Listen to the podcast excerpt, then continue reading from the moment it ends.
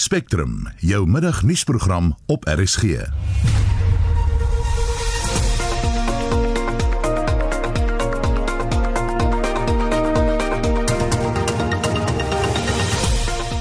In Spectrum kry ons reaksie op die aangepaste rooster vir die matriek eindeksamen.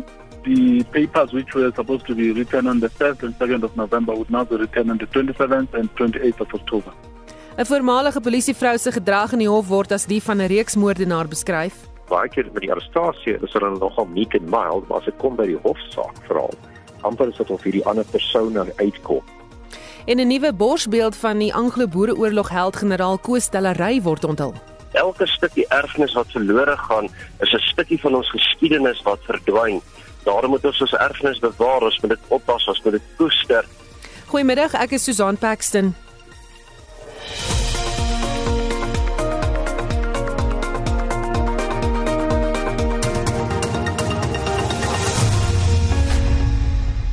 Sy bygaan 6 minute oor 12. Welkom terug by Spectrum en soos jy in die nuus gehoor het, die matriek eindeksamen sal vanjaar op 27 Oktober begin en nie meer op die 1 November nie. Die Raad van Onderwysministers het vanoggend die besluit tydens 'n spesiale vergadering geneem.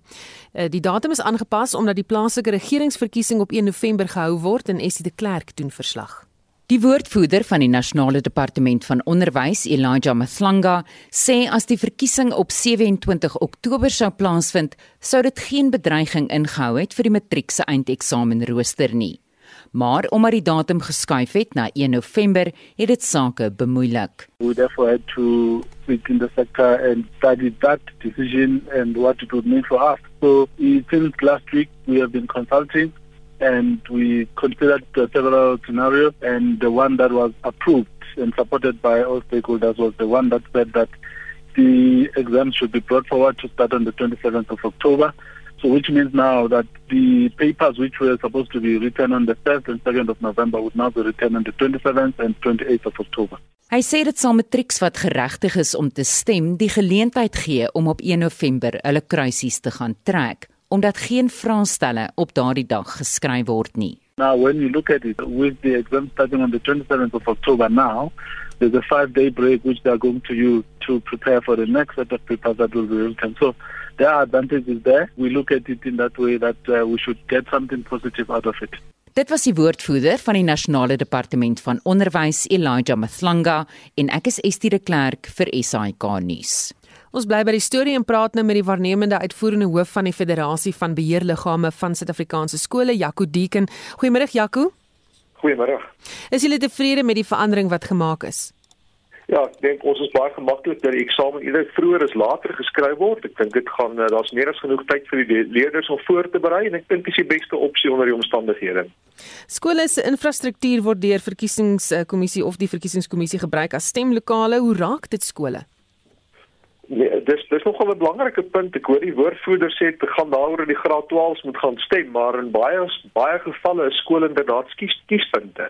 So die onafhanklike verkiesingskommissie met 'n dag of wat voor die tyd lokale begin inrig en dan weer opruim en dis hoekom daar twee dae uitgesit is.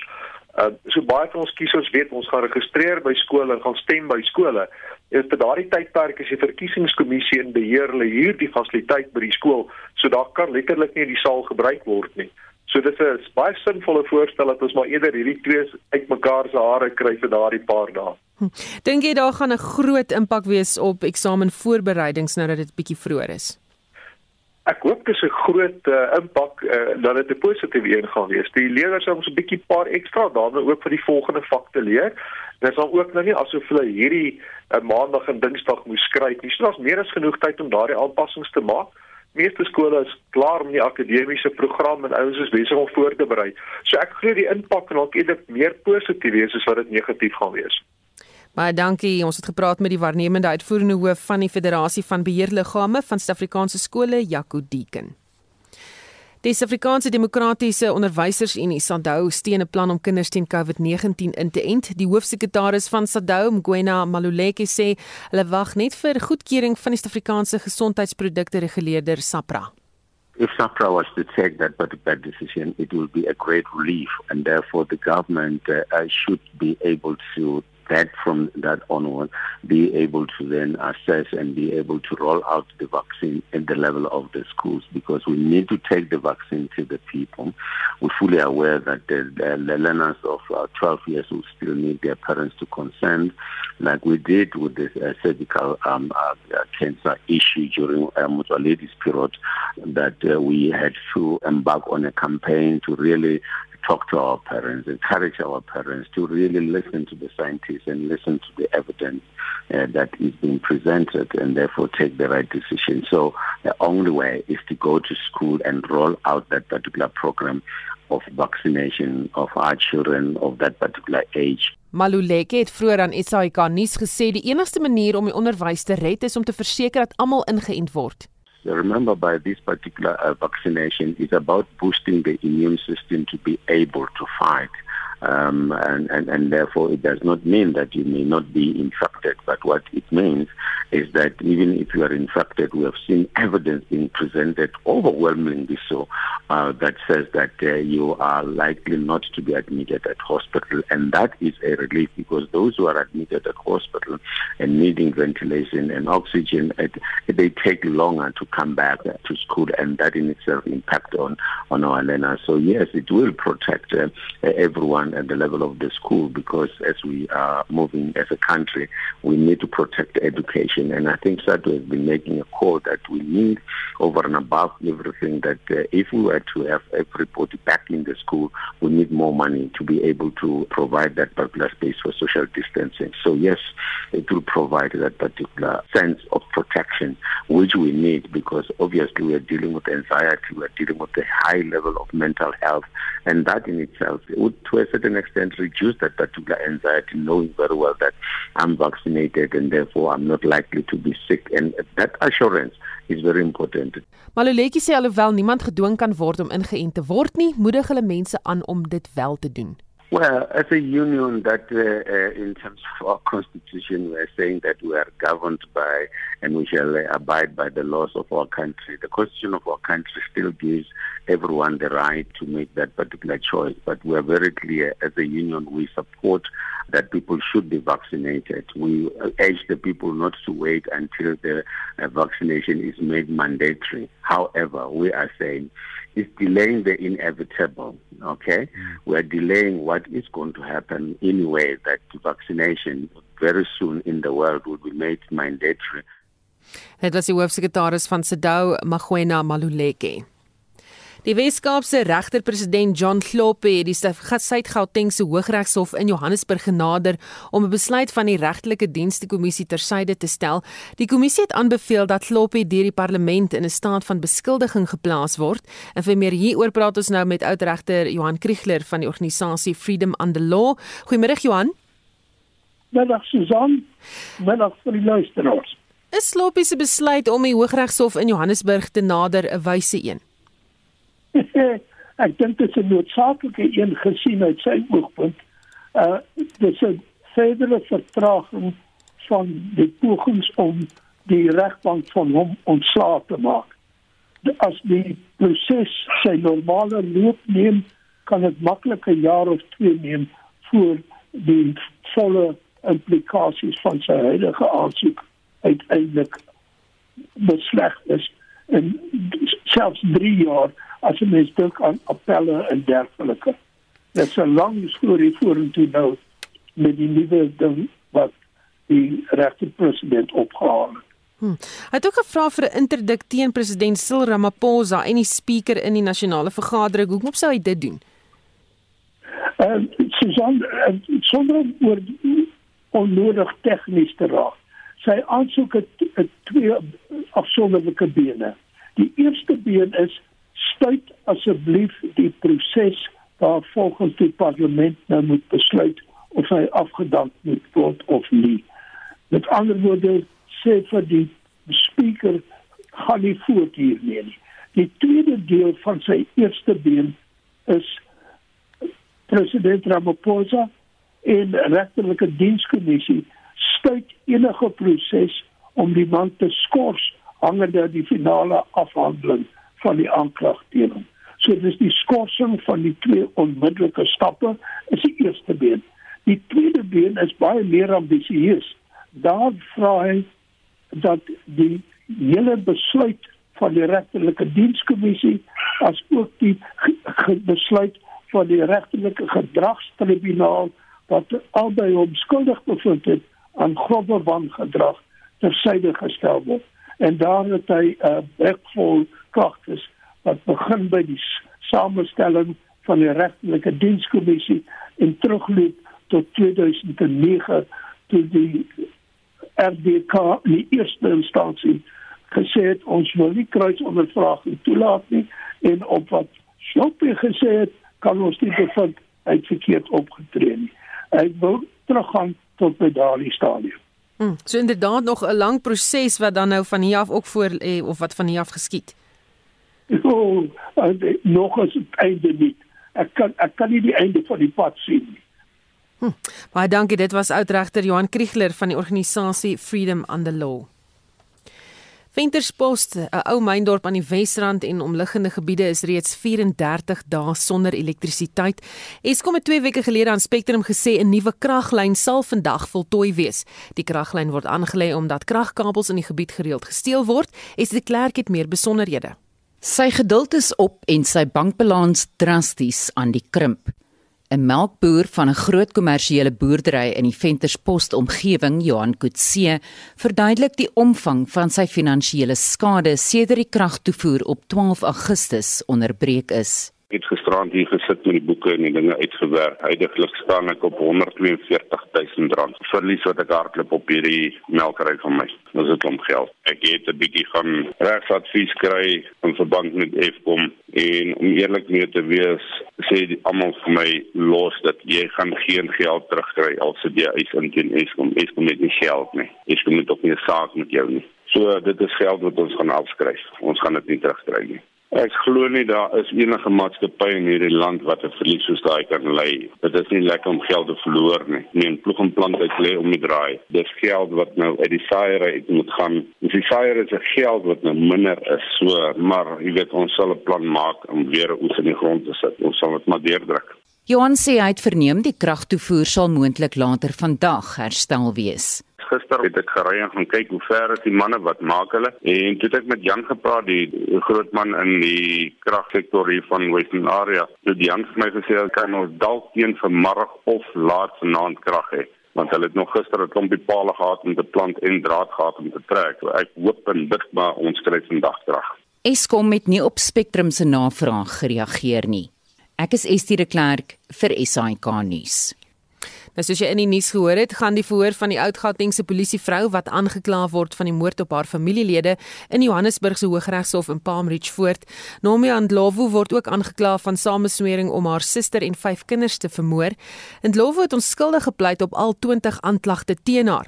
Die staat voer aan dat Ndlovu mense gehuur het om die moorde te pleeg sodat sy die lewensversekering kon eis.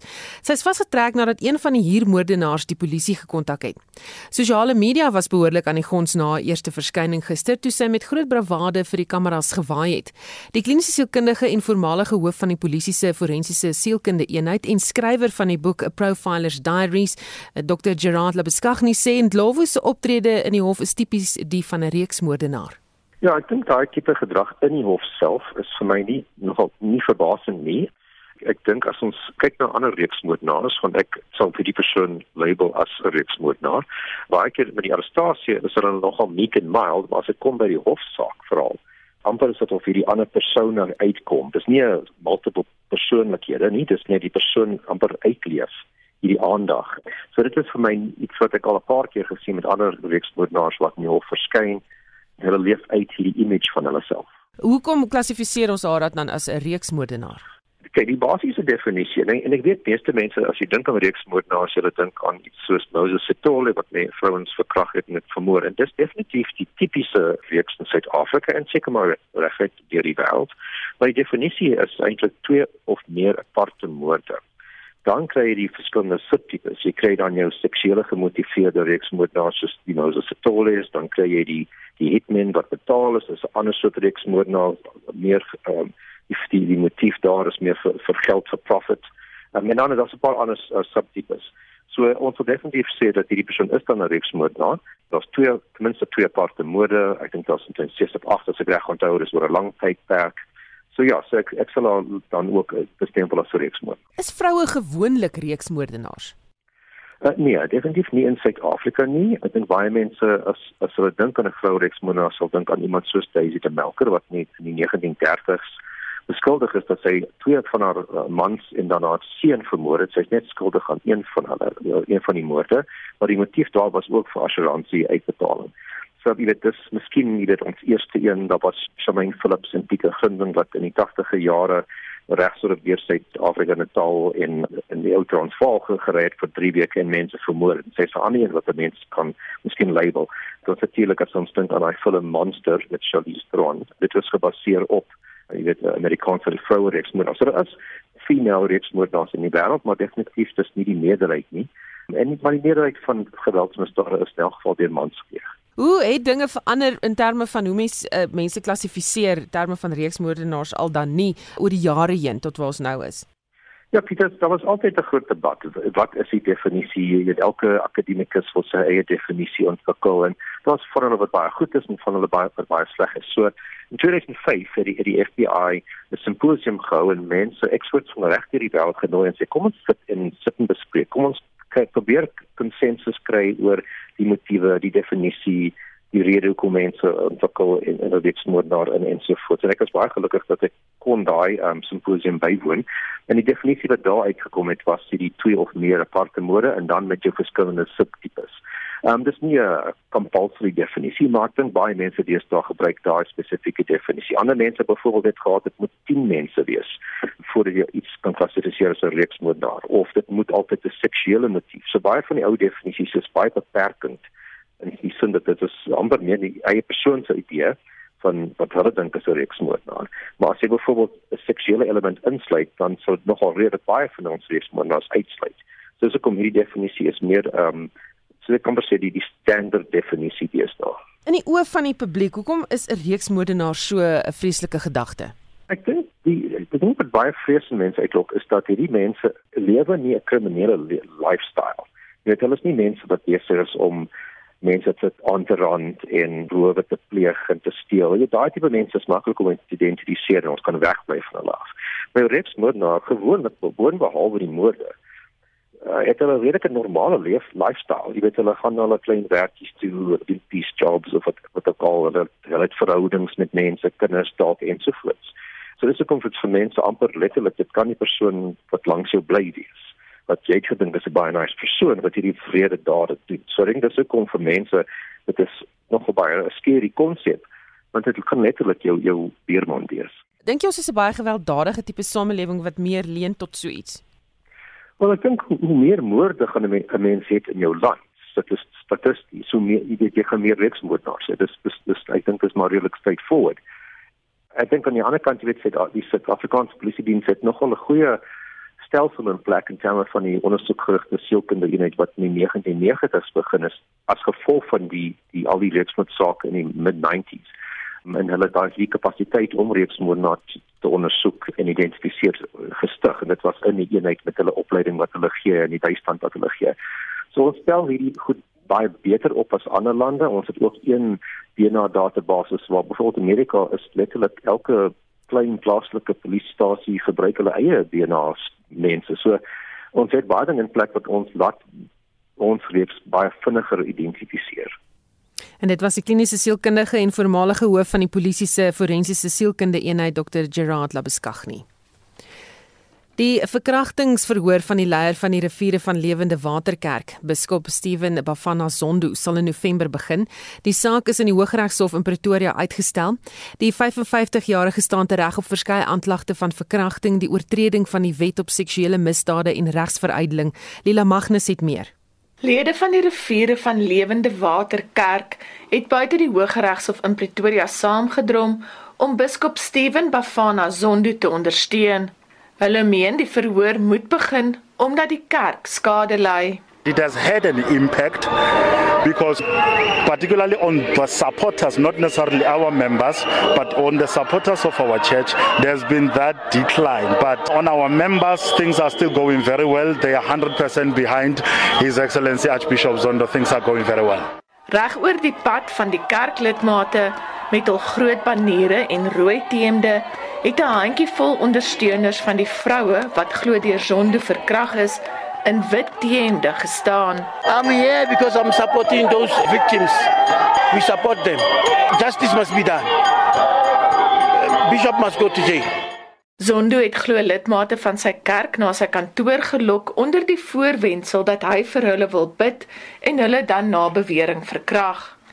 Hy het ook glo in die 1980s 'n dogtertjie wat toe 8 of 9 jaar oud was, herhaaldelik verkragt terwyl hulle op dieselfde perseel gewoon het.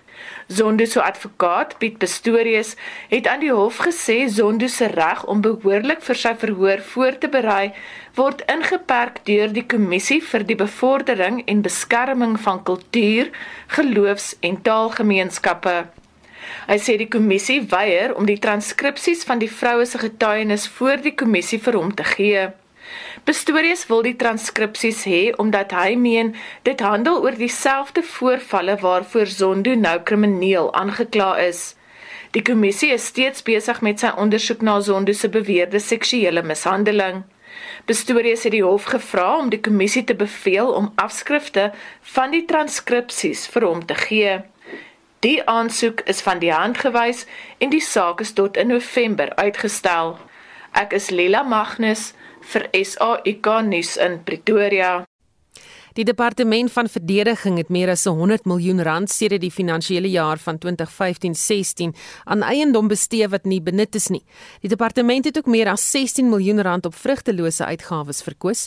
Dit is van die bevindinge in die verslag van die ouditeur-generaal oor die land se veiligheidsagentskappe. Mitsi van der Merwe doen verslag. Die gesamentlike staande komitee oor intelligensie het sy verslag oor intelligensiedienste byna 2 jaar na die ouditeur-generaal dit voltooi het ter tafel gelê. Die agentskappe sluit in die Staatsveiligheidsagentskap, die polisie, verdediging en misdaadintelligensiedienste. Die verslag bevestig dat die Staatsveiligheidsagentskap in 2009 onwettig geskep is. Die voorsitter van die gesamentlike staande komitee oor intelligensie, Jerome Marke, stem saam dat die agentskap onwettig is volgens die bestaande wetgewing. Well, it is true that the SSA was established by a proclamation before the legislation was amended. And the amendment was done after some five years or so, which would make it illegal. This is clearly stated in the high level review panel report. That is the reason why, in reversing the process, the Act will have to be amended. Daar is ook beweringe dat sommige lede van die uitvoerende gesag onwettige bevele aan lede van die agentskap gegee het. Die DALP en lid van die komitee, Diane Curle Barnard, sê sommige kwessies in die verslag van die ouditeur-generaal is reeds bekend. Some of the key issues highlighted in this report are the vetting backlogs. It says that the top level of defense intelligence, for example, do not have top security clearance. But then this delay in vetting is something that the SAPs have suffered with for some 15 years. There's the audit of the State Security Agency. It's qualified, as you see, and it's criticized for the slow implementation of high level review panel report, which was released back in 2018. Die verslag is uitgereik as 'n gekwalifiseerde audit deur die ouditeur-generaal met 'n tekort van byna 7,9 miljard rand aan onreëlmatige uitgawes in die finansiële jaar onder hersiening. Die verslag openbaar ook dat die staatsveiligheidsagentskap nog nie die voorstelle deur die hoë vlak hersieningspaneel wat deur president Cyril Ramaphosa in 2018 saamgestel is om die sake van die agentskap te bekyk ten volle toegepas het nie. Abongwe Kobokana het hierdie verslag saamgestel. Mitsi van der Merwe, SAK-nuus. Die Nelson Mandela Bay Metro doen alles moontlik om te verhoed dat krane in sekere dele van die stad opdroog. Die KwaNobuhle in St Albans woonbuurte is afhanklik van damme soos die Kouga dam wat tans 5% vol is. Wat sê maar vir King doen verslag. Die metro beplan om water van die nooit gedacht waterskema te herlei via die Bethelsdorp waterpypleiding na die nuwe Kwanobuhle pompstasie. Konstruksiewerk aan die waterpypleidings word tans gedoen. Die Kwanobuhle pompstasie kos die metro 50 miljoen rand. 60% van Kwanobuhle se water kom van die nooit gedacht waterskema af wat water vanuit die Gariepdam onttrek.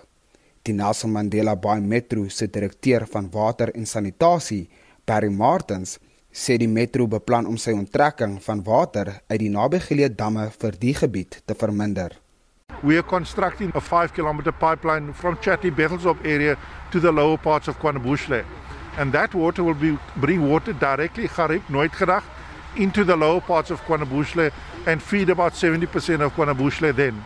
So that means that 70% of the water that would normally be fed from Kogaluri don't need to be fed from that dam. That means we're saving water in that dam, almost 50 to 70% of that water. Die munisipaliteit het ook aansoek gedoen om die metro tot 'n droogte rampgebied te verklaar. Die burgemeesterskomitee lid van infrastruktuur, Tsonono Buyeye, is vol vertroue dat die krane nie sal opdroog nie. With all the interventions that we are busy embarking on, we are very sure that um, uh, we, we, we, would be in, we are in a situation where no one in our city will ever experience day zero.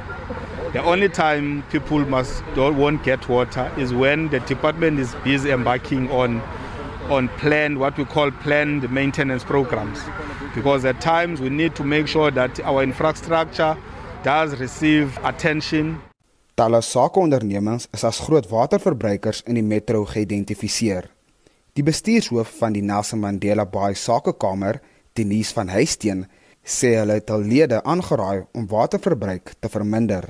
As a business community, we obviously have a big role to play in terms of uh, saving water, and we've called upon our members to reduce their water consumption levels by 35%. And there's a number of companies who are deploying recycling and water conservation initiatives which will ensure that water supply is more efficiently utilized. Die Bethelsdorp pypleiding sal teen die einde van hierdie maand voltooi wees terwyl die Kwanobuhle waterpompstasie teen Augustus volgende jaar voltooi sal wees. Die verslag is saamgestel deur MKBC Kina in Kebega. Ek is Vincent Mufokeng vir SAI Garnis.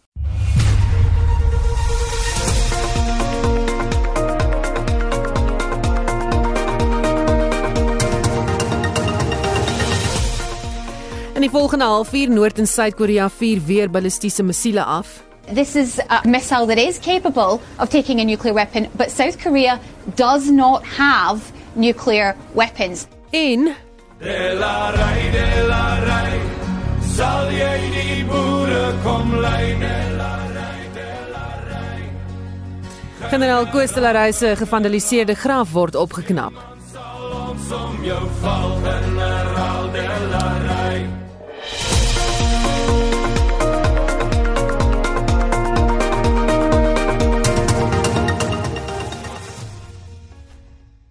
Die Anglo-Boereoorlog held generaal Koos Stalery is vandag 107 jaar terug deur die polisie doodgeskiet. Hy is by 'n padblokkade as 'n vermeende bendelid aangesien.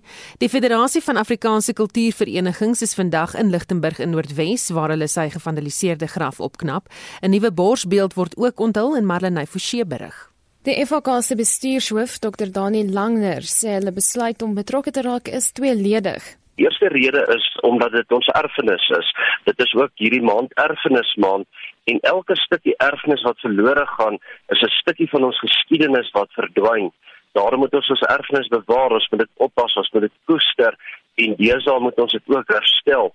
Die tweede rede is dat generaal de la Rey as persoon vir vandag nog vir baie Afrikaners se inspirasie is. Nie net oor die heldedade wat hy tydens die oorlog gedoen het nie, maar die karakter, die integriteit, die soeke na vrede, die respek wat hy by vriend en vyand afgedwing het, is iets waarmee baie Afrikaners vandag gelukkig kan assosieer en waarmee hulle voel ons kan 'n toekoms bou in die land. Hoewel Delarey steeds verskeie Suid-Afrikaners inspireer, meen Langner dat veral die jonger generasie nie die deel van die geskiedenis ken nie. Dit is 'n groot probleem in alle gemeenskappe dat ons kinders te min weet van die geskiedenis. Daar is baie lesse te leer uit ons geskiedenis, ook inspirasielesse. Daar is manne en vroue met karakter wat regtig 'n wesenlike rol gespeel het om hierdie land op te bou en 'n verskil te maak deur diensbaarheid. En dit is juist daarom ons plig om hierdie geskiedenis vir ons kinders te laat leef deur praktiese dade soos vandag deur ons erfenis te herstel sodat hulle nie net leer nie maar daardeur geïnspireer kan word om ook 'n verskil te wees in hulle eie gemeenskap. So wie was generaal Delarey? Generaal Delarey was 'n boer hier so in Wes-Transvaal. Hy was in die ou Suid-Afrikaanse Republiek, was hy 'n generaal en daarom het hy ook geveg in die Anglo-Boereoorlog. Na die Anglo-Boereoorlog het generaal Delarey 'n groot rol gespeel om fondse in te samel vir die weeskinders en die weduwees. Na die oorlog ook die heropbou van die Transvaalse Republiek uit 'n rol gespeel in die Unie van Suid-Afrika en vandag 107 jaar gelede is hy in 'n padblokkade doodgeskiet tydens die rebellie van 1914. Langner, wat ook die Erfenis Stigter se bestuurshoof is, sê die organisasies werk nou saam om die Afrikaner erfenis te bewaar. Ons vat hande om reg oor Suid-Afrika om grafte te herstel, om konsentrasiekampe te versorg, om skoon te maak, om op te bou. Maar deur die skoonmaak, deur die opbou, deur die praktiese betrokkenheid van gemeenskappe, maak jy ook mense betrokke. En natuurlik is daar baie ander organisasies wat betrokke is, veterane organisasies, maar ook voortrekkers. En as ons praat van die voortrekkers, dan praat ons van kinders wat help gras sny, wat help bossies uittrek, wat help was en skoonmaak. En deur daai praktiese maniere bind jy gemeenskap aan die geskiedenis en help jy ook mense om eienaarskap te neem van ons erfenis en ons verlede. Dit was Dr. Daniel Langner, die bestuurshoof van onder meer die FHK en die Erfenis Stichting. Marlene Forsie is ikonies. Nou ons verslaggewer Lila Magnus woon die verrigtinge by en sluit nou by ons aan. Goeiemiddag Lila. Goeiemiddag Susan en goeiemiddag aan die luisteraars. Is daar groot belangstelling in die geleentheid? Ja, weet jy, dit was nie 'n groot groep mense wat daar was nie, maar daar was 'n hele paar mense wat gesê het hulle um, is nie genooi nie, hulle het net gehoor daarvan en het kom kyk hoe die nuwe uh, borsbeeld lyk op die graf. En ek moet vir jou sê dit is regtig indrukwekkend. Ek het nou nie die oorspronklike ene gesien nie, maar as dit amper so indrukwekkend is soos hierdie ene, dan moet dit nogal iets gewees het om te aanskou. So wat is die hoogtepunte vir jou sover? Dit was vir my persoonlik ehm, 'n um, absolute voorreg om met van Delarey se nageslag te gesels. Ek het met sy kleinkinders en agterkleinkinders gesels en hulle het gesê, weet hulle is net so dankbaar dat eh, dit mense in Suid-Afrika ingespring het om met die borsbeeld op 'n replika weer te vervang. Want hulle sê ja, as jy by die grafplaas ry, kan jy dit duidelik sien. Dit is 'n uh, ek wil amper sê half van 'n baker. En die een klein dokter het gesê elke keer wat sy daar verby gery het, dit is so al van in haar ingeprent en deel van haar rotine gewees, maar as sy verbyry dan kyk sy na die beeld en elke keer wat sy daar verby gery het en hierdie beeld gesien het nie, dit was al van gevoel of daar's 'n stukkie van haar geskiedenis na familie wat doodgaan. En sy sê dit voel net vir haar sy sou weer amper heel nou laat sy weer haar oupa grootjie kan sien in die grafplaas. Dan ons bietjie meer van daai beeld, jy weet hoe groot is hy? Hy is op die ehm um, op dieselfde afmeting gemaak as wat die oorspronklike beeld gemaak is. Die beeld, oorspronklike beeld het in 'n uh, ehm um, in 'n wiel gestaan, 'n sirkel wat lyk of dit 'n wiel uh, of of 'n wiel is of eintlik het mense gedink dit is 'n reerkrans maar met die navorsing wat die beeldhouer Jacques Miller gedoen het, het hy toe nou gesien dis 'n wiel om die motor waarin Delarey gery het toe hy doodgeskiet is te simboliseer. En dan is die beeld self is so hy hy seker omtrent dit is groot. Dit is omtrent seker so 50 cm daar rond hoog as dit nie hoër is nie. En dit lyk amper soos 'n patroondoppie wat dan ehm um, na die bokant toe vorm dit dan na die borsbeeld en dit is van beton gemaak sodat dit nie maklik vernietig kan word weer nie, maar wat die beeldhouer gedoen het is hy het kleurstof en oksied in die beton gesit. So dit lyk asof die beeld daai koper is wat um, half aangeslaan is, so groenerige kleur. Hmm. Die graf self uh, word ook opgeknap. Wat behels dit? Ja, daar is ehm um, die graf self het ook skade gelei uh van Dannery se klein kinders ehm um, en sy kinders is daar marmerstene opgesit by die graf, so dit word ook reggemaak. Ek kan sien die ketting se gesteel, dit gaan vervang word. So hulle is net besig om oor die algemeen daar netjies te maak en weet dat dit weer net mooi lyk. Baie dankie, dit was ons verslaggewer Lila Magnus sy het vanuit 'n winderige Lichtenburg in Noordwes met ons gepraat. Ons verskuif die aandag na die internasionale nuusfront. Suid-Korea het daan geslaag om 'n ballistiese missiel vanaf 'n duikboot af te vuur. Dit slegs ure nadat Noord-Korea 'n kortafstand ballistiese missieltoets uitgevoer het. Laura Becker, die BBC-korrespondent in Seoul, Suid-Korea het meer inligting hieroor. This is a missile that is capable of taking a nuclear weapon, but South Korea does not have nuclear weapons. This is a first uh, for South Korea, and it will become one of only seven nations able to fire a missile from a submarine. Here on the peninsula in South Korea, 28,000 US troops are based. And South Korea more or less relies on the United States for defence. It's called the nuclear umbrella because the US covers this entire region as an ally and is there in terms of defence. But South Korea has shown increasing steps, wants to stand on its own two feet. With this budget increase of 7%, it's just decided to build an aircraft carrier. It's just uh, bought a whole bunch of jets. So it got brand new military hardware. And here, even though this is a planned launch, having those two missile launches on the same day within a few hours of one another just shows exactly what a mini arms race is going on on this Korean peninsula right now. En dit was 'n BBC korrespondent in Seoul, Suid-Korea, Laura Picker. Ons bly by die storie en vir haar mening hieroor sluit 'n politieke ontleder aan die NISA professor Joansi van Wyk nou by ons aan. Goeiemôre Joansi. Goeiemôre Susan. Waarom word daar so bohaai gemaak oor hierdie toetse?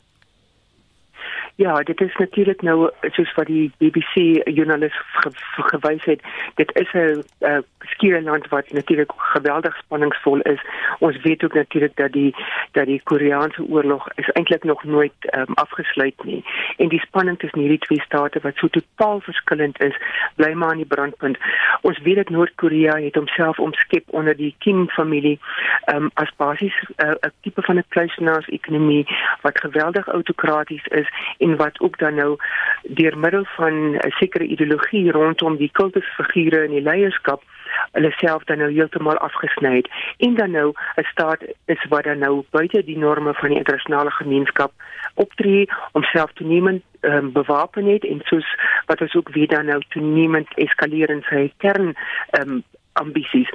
Die staat is buite die kernsterverdrag um, en dit is ook dan nou 'n staat wat basies beskou word as 'n staat wat ook nie aan norme soos menseregte en humanitêre hulp um, aan sy eie mense um, natuurlik dit dit nakom nie.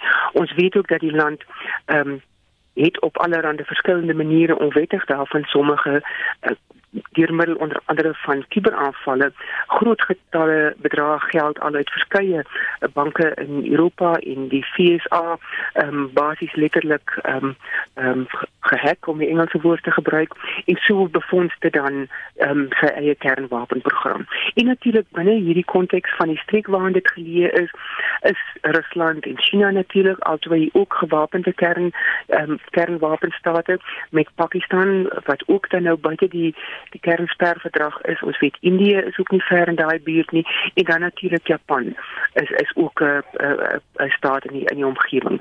Met die Amerikaanse teenwoordigheid dan nou sien dit die die Koreaanse oorlog en dit skep natuurlik alles 'n kruitvat vir vir 'n baie spanningsvolle omgewing. Watter taktik dink jy word hier deur Noord-Koreaanse leierskap ingespan? Ons weet dat die Noord-Koreane, soos ek sê, deur middel van die die Kim familie het 'n ideologie wat hulle Juche noem. Dit kom daarop neer dat hulle hulle self uh, autonoom maak, onafhanklik maak, dat die die leier is basies die die kultusfiguur wat wat namens almal optree en hulle dan meer en meer 'n uh, baie militêre benadering tot hulle internasionale betrekkinge. So so wat ons kan sien is dat dis 'n land wat militêr opbou wat dan gevolg het dat hy homself um, vervreem van die internasionale gemeenskap maar dit is ook 'n land wat geweldig behoefte het aan erkenning as 'n sterk staat maar ook dan as 'n regionale uh, streeksmondheid. Ons weet ook dat dit 'n land is wat uh, leiers hier het, het 'n sekere patologie in hierdie land uh, wat wat 'n hoë dink van hulle self het. Sommige sal self so ver gaan as as narcissiste wat dan wil bekend staan as as lande en leiers wat basies hulle self kan handhaaf handhaaf op die internasionale gemeenskap. So ons sien dan nou selfs voor die die die huidige kernwapenprogram uh, en die onlangse toetse kom dit omtrent al van 2003 dat die internasionale gemeenskap hard probeer dat hierdie land nie uh, kernroete volg nie omdat daar nou soos wat ek genoem het state is met, met belange en die feit dat die staat kom basies nie internasionale um, reg waartoe dit in daardie stadium dan homself verbind het nou en dit dit skep dan in in die ooste dan nou 'n uh, uh, uh, uh, onveilige omgewing. Die ander manier wat hulle dan tipies gebruik het is om basies as daar onderhandelinge is dit heeltemal te vertraag of dan basies om om state wat by die onderhandelingsproses is in 'n tipe van 'n diplomatieke lokval te lei waar hulle dan basies in, in 'n posisie is wat hulle kan sê maar goed ons het nou hierdie ehm um, ehm um, um, um, goed prys gegee op die tafel maar nou moet julle dit doen en en dan tipies kom Noord-Korea nooit sy deel van die um, onderhandelinge na nie. So dit is 'n staat wat letterlik um, in 'n in 'n baie asimetriese sin dit reg kry om 'n klein arm um, staat te wees, maar geweldig baie politieke um, mag en invloed te kan hê. En dan soveel so dat dit is altyd die onsekerheid van gaan hierdie staat verder toets? Wie help hierdie staat en wat is die ware bedoelings van die leierskap? Baie dankie. Dit was 'n uh, politieke ontleder aan Unisa professor Joansi van Wyk. Rusland en Belarus is tans besig met 'n gesamentlike militêre weermagsoefening. Die oefening getiteld Zapad 2021 sal tot donderdag duur. Sowat 200 000 soldate van beide lande neem hier aan deel, aan Mariasse van Vierenburg. Die intermilitêre weermagoefening vind op die grens van die Baltiese See plaas en sluit grondgebied van Belarus en Rusland in. Buiten die 200 000 troepe wat daaraan deelneem, sal 80 vliegtye, 15 skepe en 300 tanks ook ontplooi word. Volgens ontleeders is dit 'n kans vir die Belarusiese president Alexander Lukasjenko om sy spiere te bult. 'n Belarusiese ontleder wat in ballingskap in Engeland woon, Ales Patrusov, stem saam. Hy sê dit grief Lukasjenko dat sy burgers tydens verlede jaar se verkiesing in opstand gekom het teen hom. Ook dat sy teenstander Svetlana Tsikhanovskaya soveel aandag van westerse moondhede kry.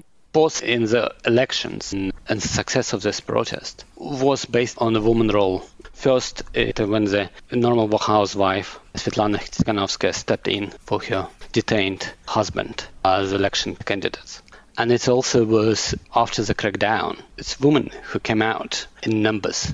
It forced police to de-escalate the violence because they just, the ordinary policemen just couldn't bring in themselves to put so much violence against women as they did against men. Vrydag het Putin gesê dat hy en Lukasjenko bespreek het hoe hulle die twee lande se ekonomieë moontlik kan laat saamsmelt. Die 28-punt plan om dit te bewerkstellig sluit in 'n gesamentlike belastingmodel en ander beleidsooreenkomste. Politieke spelers uit Oekraïne en ander NAVO-lande spekuleer nou of dit net die eerste stap sal wees dat Rusland uiteindelik Belarus oorneem. Patrusov sê hy glo nie sy landsburgers sal dit toelaat nie.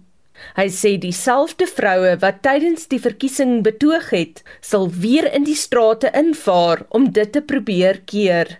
They brought major change and they drive the change. It brings the transformation in Belarusian society. In a way, we kind of forming as a nation right now. I don't know how long Lukashenko will stay, but as a nation, we have changed. We have energy to fight. Buiten vir hierdie intermilitêre weermagoefening het Putin ook lenings aan Lukasjenko toegestaan. Rusland se departement van verdediging sê weermaglede uit Armenië, Indië, Kazakstan, Kirgistan en Mongolië sal ook die weermagoefening bywoon. Ek is Anne Marie Jansen van Vuren vir SAK nuus. Die sake nuus word aangebied deur Robert Cameron, 'n portefeuljebestuurder by Fisher Dugmore Sekuriteite. Goeiemiddag Robert. Goeiemiddag Susan, goeiemiddag luisteraars. Ons plaaslike marke verswak vandag so 0,35%. Uh die algehele indeks is af met so 220 punte. Hy staan op uh, 64080 punte. Dan die top 40 indeks verloor ook so 0,35%. Die Hulbron indeks uh, onveranderd op hierdie stadium. Dan die Nasdaq indeks verloor so 0,1%. Die finansiële indeks is agter sterker met so 0,6%. Ons kyk na enkele aandele. Naspers verloor 2,4%. Hy is op 2322 rand. Dan uh Amplats is uh, op met so 3,6%. Is op uh, 1415 rand. Discovery sit so 2,6% by. Hy is op uh, 1 skiet tog uh, 131 rand 50. Sasol verbeter 2,1% 240 rand 20 en dan Sibanye Stillwater verloor so 3,4% op uh, 48 rand 95. Dan daar wisselkoerse in ons die rand versterk so 'n halwe persent teenoor die vernaamste geldeenhede R14.25 teenoor die Amerikaanse dollar 16.86 teenoor die euro en 'n Britse pond kos jou tans so R19.71. Kommoditeite, die goudprys 1802 dollar per fyn ons. Platinum 946 dollar en dan die Brentolieprys versterk so 1.4% na 74 dollar 65 per vatjie. Internasionaal sien ons oornag hierdie Dow Jones uh, swakker gesluit met so 0,8%. Vandag is die groot Europese markte gemeng. Die FTSE 100 in Londen is op met uh, so 0,1%, maar dan die DAX in Frankfurt verloor so 0,1 en dan die CAC 40 in Parys verswak so 0,5%. Dan laastens die uh, S&P termynmark uh, versterk so 0,2% wat dui dan op 'n beter opening uit Amerika later vanmiddag. Baie dankie, dis die einde van vandag se sake nuus. En dankie, dit was Robert Cameron, 'n portefeuljebestuurder by Fisher Dugmore Sekuriteite. Die farmaseutiese maatskappy Pharma Dynamics en 'n plaaslike IT-maatskappy het 'n nuwe toepassing ontwikkel vir kinders met aandagtekort hiperaktiwiteitversteuring of ADHD. Die toepassing genaamd Tracto sal die gebruiker toelaat om dagboek te hou van die kind se vordering en ontwikkeling. Die woordvoerder van Pharma Dynamics, Nicole Jennings, sê die toepassing is gratis. Hierdie toepassing wat ons vir families wil bied, is spesifiek vir aandagtekort hiperaktiwiteitversteuring. En die strategie agter hierdie toepassing is om vir die hele sorgspan van 'n kind wat sukkel met hierdie kondisie toegang te gee tot inligting sodat hulle met mekaar inligting kan deel. Eerstens wat die kind se uh, medikasie aanbetref, wanneer die kind die medikasie moet inneem. Dit kan ook pret hou van 'n kind se simptome en gedrag en dit kan kyk na simptome en gedrag in respons tot sekere stimulus of medikasie. Soos byvoorbeeld hoe affekteer dit die kind se dieet, die kind se slaappatrone, die kind se algemene konsentrasievlak. Jy weet omdat kinders meestal as sukkel met ADHD of aandagtekort hiperaktiwiteitsversteuring, is dit sodat die kind nie self kan verantwoordelikheid neem om die kondisie te bestuur nie. Hulle het regtig 'n sorgspan nodig wat met mekaar kommunikeer. En wat die toepassing dan ook toelaat is om rapport aan die einde van die maand af te laai wat 'n mens dan vir die geneesheer of die psigiater kan gee sodat hulle ook kan kyk hoe die kind reageer um, op sekere medikasie en op leefstylveranderinge om hulle kondisie te te bestuur. Dis want dit is mos nou nie as jy een keer gediagnoseer het onmiddellik reg nie. Dit is 'n proses wat mens moet deurgaan, reg? Dis reg. Ja, dis absoluut 'n leefstyl en dit verg baie deelname van die hele span, die hele familie, selfs ouma en oupa en die grootouers, die versorger, die onderwyseres en dit regtig is 'n spanpoging om die kind effektief te bestuur. Hoe werk hierdie toep? Uh, jy weet moet jy fisies gaan sit en dinge intik of hoe, werk dit? Ja, so omdat dit gewoonlik op uh, minderjarige kinders gebaseer is, sal die ouer eerstens moet besluit vir wie hulle wil toegang gee tot die inligting en hulle deel dit dan. Hulle stuur 'n uitnodiging na die onderwyseres of na die ehm um, versorger of die geneesheer self psigiater of 'n algemene praktisyn kan ook deel wees daarvan.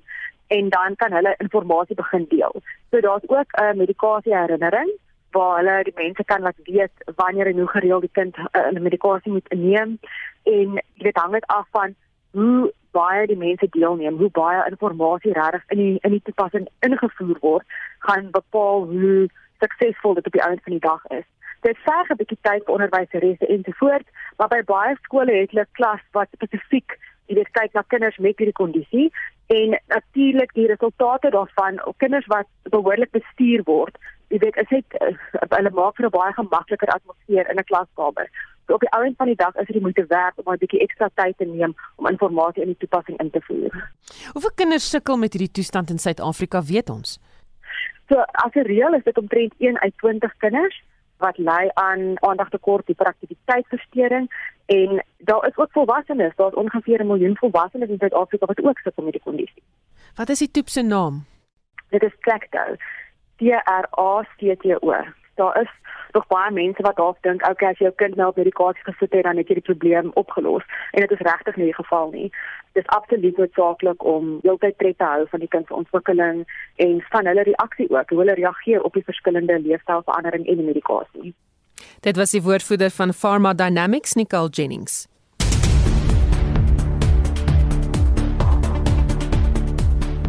En Estie som vir ons die afgelope uur se nuus op Estie.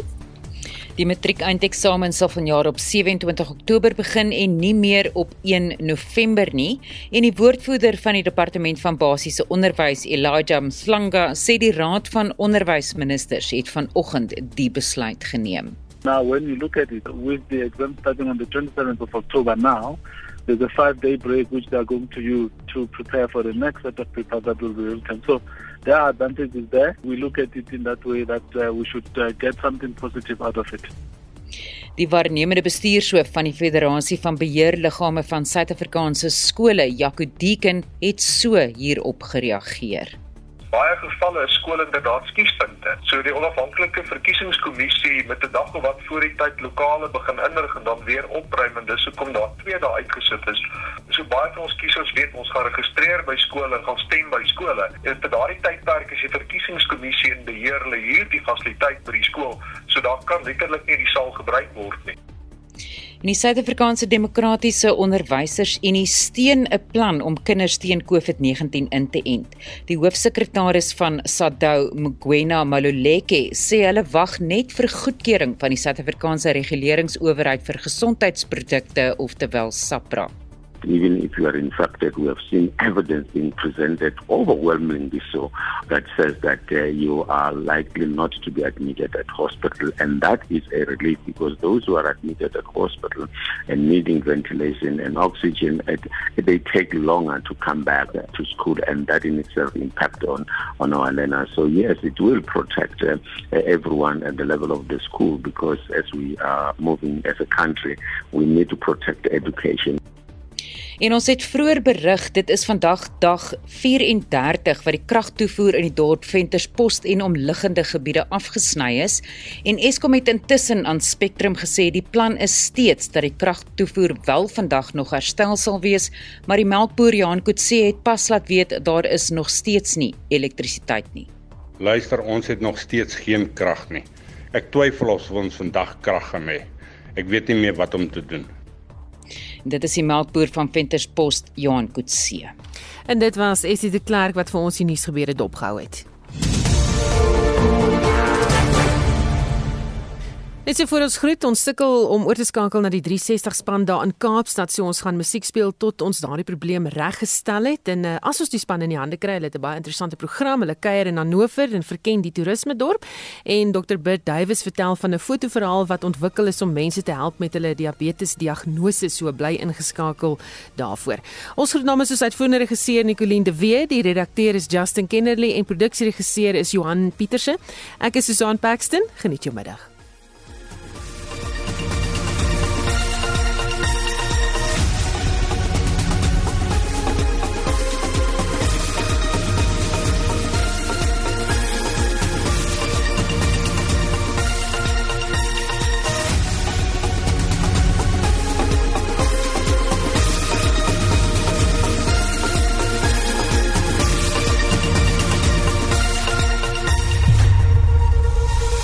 SAK nuus.